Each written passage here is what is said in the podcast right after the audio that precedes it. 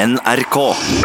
Lærere, kontorfolk, journalister og tusenvis av andre ansatte ble tvunget til hjemmekontor fra midten av mars. Vi oppgraderte oss i rekordfart. Mange har lært enormt mye, mens andre har gått på veggene av unger i veien og bare det faktum å være hjemme hele tida. Psykolog Egon Hagen, har du hatt hjemmekontor nå? Det har jeg hatt.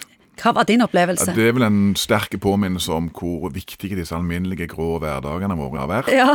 Og hvor kjekke de kollegaene du har på jobben. og ja, Too much of a good thing. Det er kjekt å være hjemme. Sånn, Det var kjekt første uka. Kjekt første uka, og så Ja. oppdager du at du kanskje er et mer sosialt vesen enn det du hadde tenkt i utgangspunktet. Tusenvis har vært eh, hjemme og jobba, og mange holder på med dette ennå.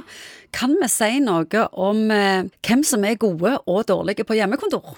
Ja, struktur er jo viktig. Hvis du er en person som greier å organisere deg og har en sånn indre struktur, så vil du selvfølgelig ha en fordel i forhold til dette. Du kan liksom få hode og hale på dagen. Hvor lenge skal du jobbe, nå skal du ikke jobbe, nå er arbeidsdagen over? Hvor var det det sklei ut for deg? Har det sklidd ut? Jeg regner med det må ha sklidd ut litt. Ja, det sklir vel ut i perioder, kan du si. Noe, Ja. Det vi vet, det gjelder jo generelt i forhold til det nye arbeidslivet, hvor denne uh, grensa mellom jobb og privatliv på mange måter er litt mer utydelig enn det var tidligere. Og Plutselig blir lunsjen bitte litt lang. For eksempel. Skulle du ha et glass vin til den lunsjen? ja, sant?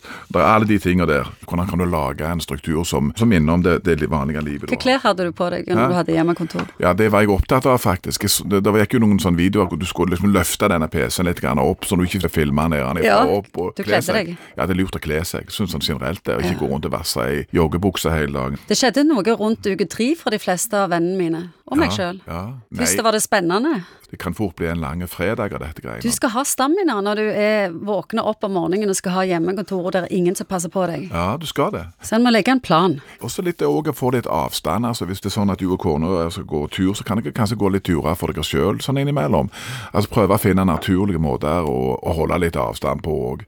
Selv om kona eller mannen er kjekke, så klart at hvis du skal gå og trør oppi hverandre egentlig hele veien, så kan det være belastende. Det kan bli voldsomt med sukker med melis på for mye. Det kan bli det. Ja. I en sånn arbeidslivssammenheng, er det noe sjefen kan gjøre i forbindelse med hjemmekontor? Det har jo vært forsøkt ulike ting. Noen inviterer til og med til fredags, fredagspils via Skype for å liksom prøve å holde litt grann i det der sosiale livet, sånn at ikke folk begynner helt på nytt igjen når de kommer tilbake igjen. Nå er det kanskje ganske mange tusen som skal ha hjemmekontor i mange uker til, kanskje gjennom sommeren. Kan vi komme med en oppsummerende oppfordring? Prøv å lage struktur, prøv å skille mellom jobb og fritid. Lag deg en plan for hvordan du har tenkt å jobbe, og hold deg til den planen. Før så fikk du mye av den strukturen gratis gjennom jobben, nå må du lage den sjøl. Og hvis du er veldig sosial og kjenner at du på en måte så bruk, bruk Skype, bruk disse eh, teknologiske virkemidlene som vi har. Dette har jo folk skjønt eh, lenge før en eller annen psykolog kommer og forteller deg dette. NRK.